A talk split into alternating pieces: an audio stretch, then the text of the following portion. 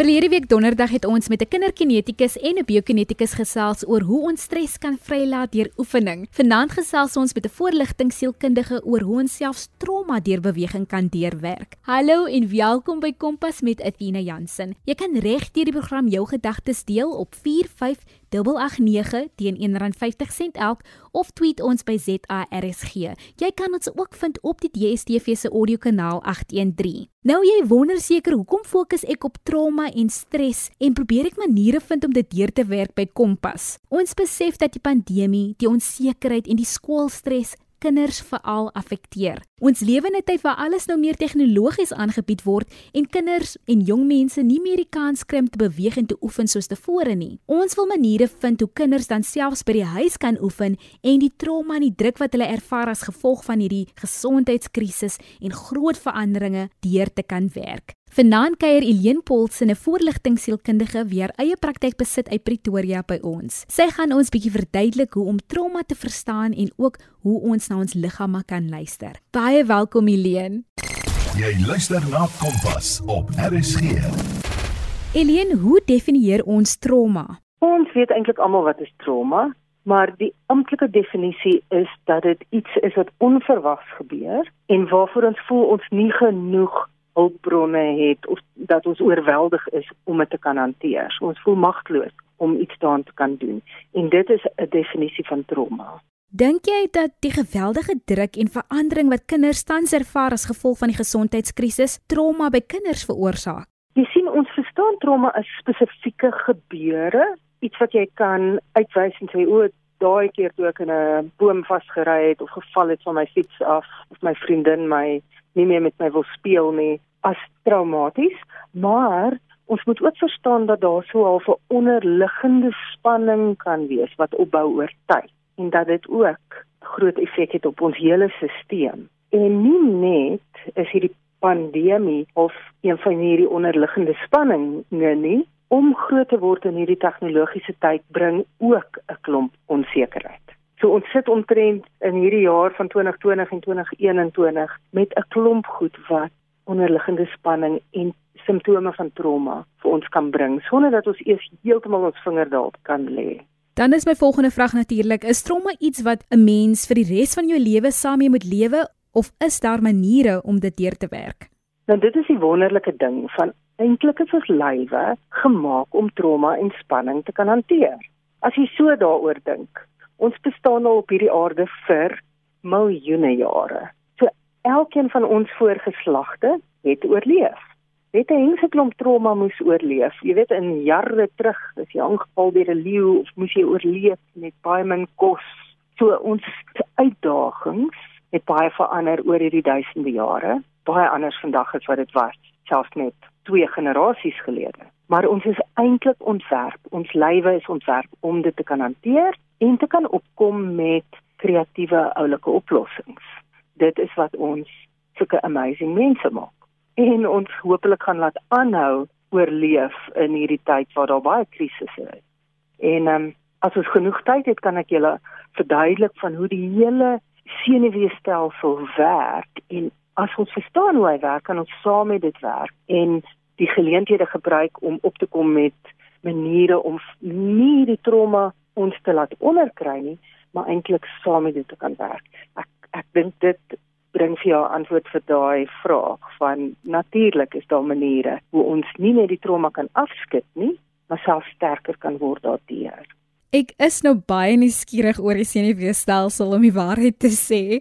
Is daar 'n manier dat jy dit vir ons self kortliks kan verduidelik of in jou woorde kan omskep hoe ons dit beter kan verstaan? So die kortste manier is amper om te dink dat ons het drie tipes breine. Ons het 'n heel ou reptielbrein, die tweede brein wat ontwikkel is die soogdierbrein en die derde en die stadigste brein is ons neokorteks waar ons abstrakte oplossings vandaan kom. So om terug te gaan na brein 1, die vinnige brein, die reptielbrein. Hy is verantwoordelik vir ons oorlewing. Ons tweede brein wat amper so vinnig is, is verantwoordelik om te kyk na die omgewing en om te kyk of dit veilig is.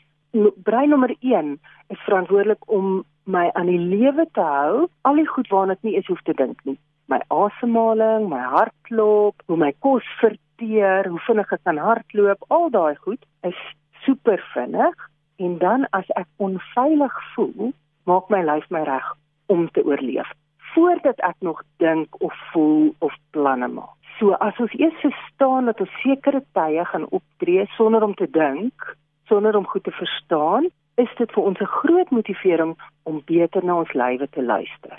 So dis my kortste kortste ehm um, verduideliking van hoe ons brein werk. Dat nommer 1 is verantwoordelik vir oorlewing, nommer 2 is ons veg of vlug brein. En eers as ons veilig voel, kan ons begin dink hoe werk die wêreld, hoe voel ons en planne maak.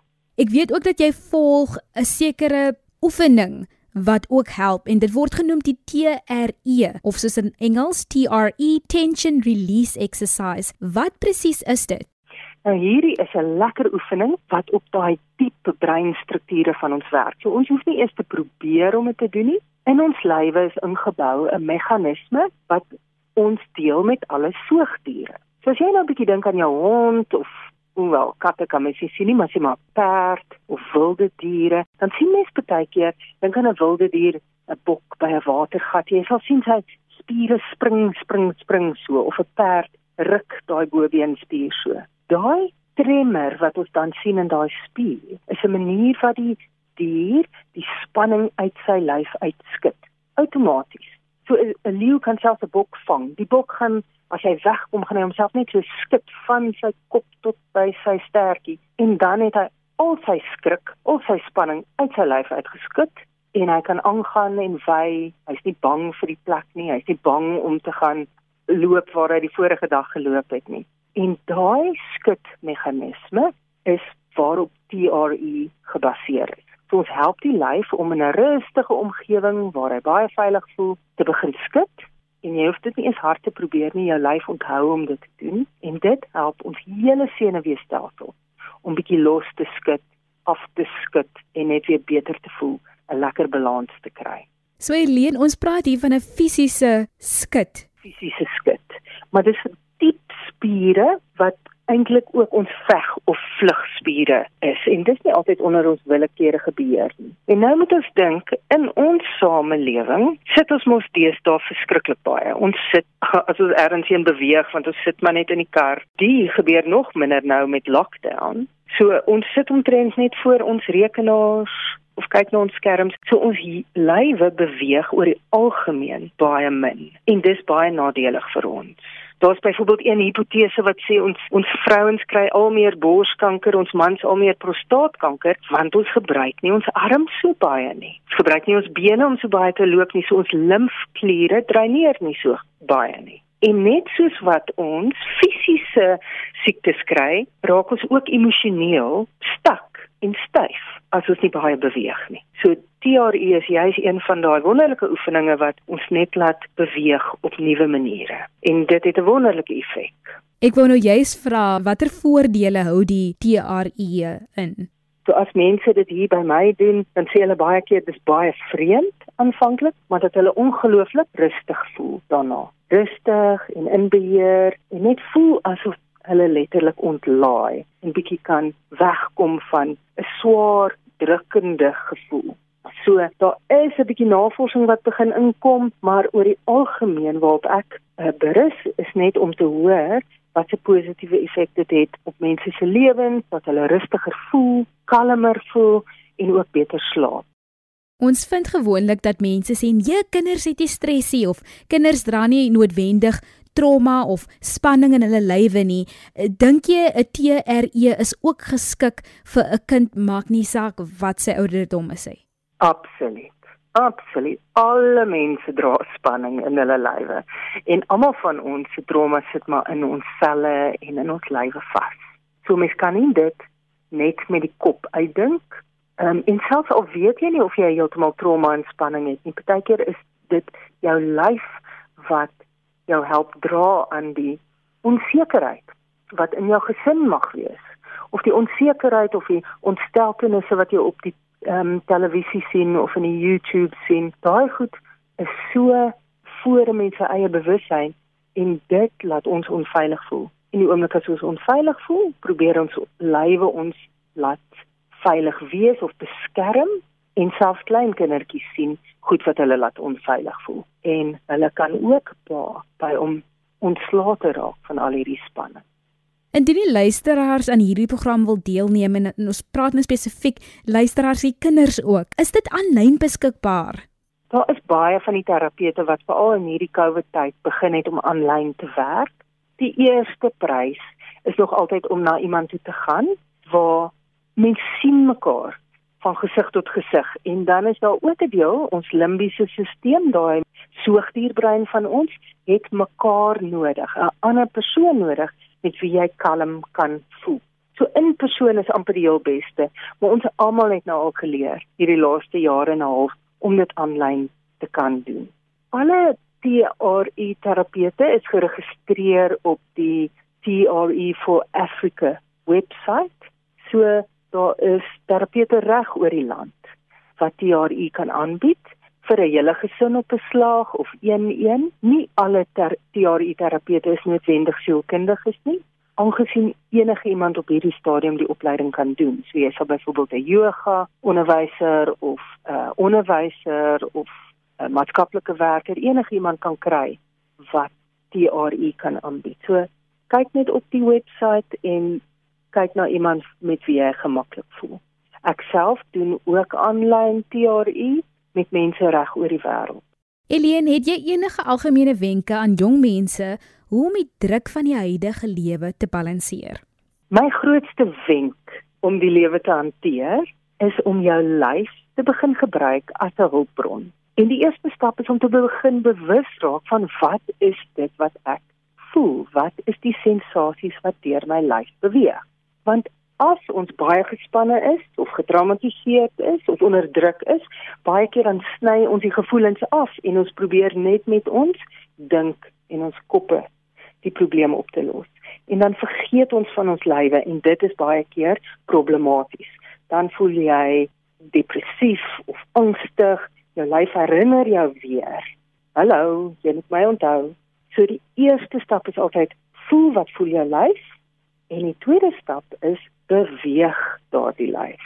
Of dit nou is om buite te gaan stap of oefening te doen of 'n lekker stuk musiek op te sit en net te beweeg of yoga te doen of enige iets wat beweging veroorsaak. Elke deel van jou lyf het nodig om te beweeg. Jy sal definitief goed voel. Al daai goed voel hormone word afgeskei as mens lekker en gesond beweeg. So daai is twee groot wenke wat ek vir almal kan gee en dit is so maklik om dit net eenvoudig te doen en te gebruik.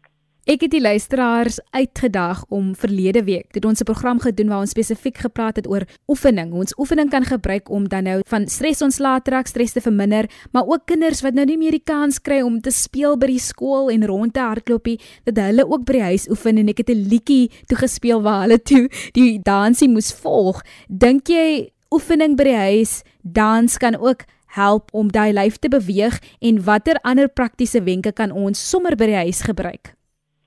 Dis absoluut fantasties. Jy sien ons almal begin in dieselfde rigting dink want dit werk. Ek het 'n YouTube kanaal waar ek dis deel van die kreatiewe ekspressiewe terapie mense aanmoedig en ek noem dit just get moving. So dis definitief 'n baie goeie wenk Die ander een is om enige iets kreatief te doen. Te teken, te verf, te sing, iets te maak. Enigiets kreatief gaan 'n ander deel van jou brein begin gebruik in plaas van die linkerbrein wat moet analiseer en beplan, ehm um, gebruik ons dan ons regterbreine en wanneer ons kreatief is, kan ons onsself verloor in enige kreatiewe projek. Of dit nou 'n mandala inkleur is of 'n prentjie teken of iets bou met Lego, enige iets wat vry en oop is wat vir jou lekker is. Luister na wat vir jou lekker is en begin dit doen. Dit is 'n baie belangrike oefening wat ons ook kan gebruik. Ek is Athena Jansen en jy's ingeskakel op RSG 100 tot 104 FM. Ons gesels met die voorligtingsielkundige Eileen Polsen. Kinders deesdae Eileen is so vasgenaal aan sosiale media en ek is skuldig daaraan. Ek moet bieg. Ek is skuldig daaraan. Ek kyk my foon op een sosiale media platform en dan vind ek dat ek vir ure sit. En kinders veral speel speletjies op hulle fone. Maar dan sien jy 'n kind dan nou lê en speel op die foon vir ure en ek is so bekommerd oor hulle sig want ek gebruik nou brille. As ons kyk na dit, hoe kan ons kinders motiveer om dan nou sosiale media te gebruik om juist te, te oefen en ek praat nou nie van die TikTok dansies nie maar ook ander maniere op sosiale media of wenke aan ouers dan hoe om hulle kinders te kry om minder sosiale media te gebruik en eerder dit gebruik om hulle lywe te beweeg. Nou, dis 'n baie ware opmerking wat jy maak. Nou my seun het nou die dag vir my gesê toe ons hierdie spesifieke gesprek gehad het en hy 16, toe sê vir my mamma, ek het gesien die karre wat verbyry terwyl hy vir my gewag het. Dit was die ouer mense wat meer op hulle fone was. Die jong studente wat daar verbygery het, hulle het nie op hulle fone gekyk nie. So hy sê hy dink dis hele generasie wat meer verslaaf is aan die fone. Julle is minder gewoond daaraan. Dis nie wat hy gesê het nie, dis amper wat ek nou byvoeg, maar toe besef ek, jy sê hulle het nie so 'n probleem as wat ons dalk het nie. So my raad aan ouers sou wees, eerstens, laat dit bietjie 'n oogoopmaker wees en kyk hoe aktief is ons. Wat 'n voorbeeld stel ons vir die kinders? Sal ons vir die gesin sê nee, bære nou maar al die fone vir vanaand, ons gaan nou 'n vuurtjie maak buite. Ons gaan ons instrumente nader sleep en bietjie drum speel. Of ons gaan 'n piknik hou in die botaniese tuin in plaas van net voor nog 'n Netflix reeks te gaan sit. Of ons gaan bietjie stap in die berg of by die see of by 'n park, jy weet? So hoeveel van hierdie gedrag wat ons wil doen of dans of beweeg of oefen of yoga of enige van hierdie honderde goeters doen ons self. My hoop is op die nuwe generasie gaan hulle eie oplossings moet kry en ons kan aanbied wat ons weet werk vir ons, maar op die ou end is dit 'n goeie vraag, nee. Dit is 'n goeie vraag en ek het nog glad nie verwag jy gaan in daai rigting beweeg nie, want dit is definitief waar. Ek sien dit met my ouers nou. Ek sê destyds het hulle vir ons so geskel oor op die foon wees en nou dat hulle nou begin leer of althans ek dink ek kan nie sê hulle leer net jy, hulle weet nou al wat hulle doen. Vind ek dat uh, selfs my ouers meeste van die tyd op hulle fone nou is. So dit is definitief 'n goeie vraag of iets om aan te dink. Hoe kan hulle ons die voorbeeld stel en dan nou ons kinders motiveer om iets saam te doen as 'n huisgesin? En en ek wil hê die luisteraars moet die die pandemie skuld gee nie. Ja, ons kan nie noodwendig altyd uitgaan en nou gaan loop op die berg of al daai dinge doen nie, maar ek seker selfs binne in die huis kan ons iets doen waar ons as 'n gesin dan saam kan dans of saam kan oefen of saam kan zumba of iets soos dit net om my lyf te beweeg en ook te erken dat kinders ook trauma in hulle liggame dra, soos jy genoem het, hy onveiligheid, hy brein wat dan inskop en dan die lyf self laat styf voel of nie lekker laat voel nie. Hoe kan ons dit dan vrylaat? Absoluut, absoluut. En daar is wonderlike ondersteunende terapieë beskikbaar oral wat daar nie was 'n generasie of twee gelede nie. Um en die belangrikheid van hoe om goeie, egte, eerlike, oop koneksies met mekaar te hê, is 'n vaardigheid wat ons regtig hard aan gaan moet werk. Ons almal, dat ons mooi na mekaar kan luister, dat ons duidelik kan kommunikeer dis nogal 'n vaardigheid wat regtig aan aandag nodig het vir ons almal. En al wat ons hoef te doen is om tyd daaraan te spandeer. Ons het dit in ons breine om dit te wil doen. Ons moet die versoeking van die maklike vermaak op Instagram en YouTube vermy en net self betrokke raak. En en dit gaan net so 'n bietjie meer dissipline verg, maar dit gee ook wonderlike voel goed hormone en dit is vir ons lekker om met mekaar kontak te maak. Mense gaan eintlik dood, letterlik fisies, emosioneel ook as hulle nie kontak het fisies en emosioneel met 'n ander lewende mens nie. As ons nou kyk na alles wat genoem was, is die belangrike vraag, Hoeveel tyd spandeer ek om hierdie liggaam dan nou te beweeg en te rek? Sê ons dit is 'n elke dag ding, sê ons is 'n halfuur, dis 'n uur. Ek dink dit moet basies beplan word in jou dag, dit moet deel van jou dag word, dit moet 'n rotine word. So, hoeveel tyd sou jy sê spandeer 'n mens op hierdie na jou liggaam luister konsep? Ja, dit moet 'n prioriteit word. En in daai geval is dit moeilik om iets voor te skryf En as ek versigtig om te veel voor te skryf, lank terug het mense gesê mens moet ten minste 40 minute elke dag oefen. Dit was altyd vir my so 'n bietjie oorweldigend, dan net ek eers begin nie. So ek sal eerder sê wat ook al jy kan doen elke dag. As jy kan begin met 10 minute elke dag se paar oefeninge, buite rondstap, maar jy moet dit elke dag doen. Soos die Vitamiin D wat ons oë, ons vel van die son af kan absorbeer, het elke dag 'n bietjie nodig eerder as wat jy in een dag 3 ure se son nodig het. So doen wat jy kan, maar weet dat jy dit 'n prioriteit moet maak om soveel as moontlik daarbey uit te kom. Baie dankie Eileen. Ek sluit altyd af met hierdie spesifieke vraag omdat dit vir my baie belangrik is dat jong mense moet hoor wat die hoop is en dat dit ook vir hulle sal aanmoedig om dan nou meer te doen en hulle self te glo. So my vraag aan jou is wat is jou hoop vir die jong mense van Suid-Afrika?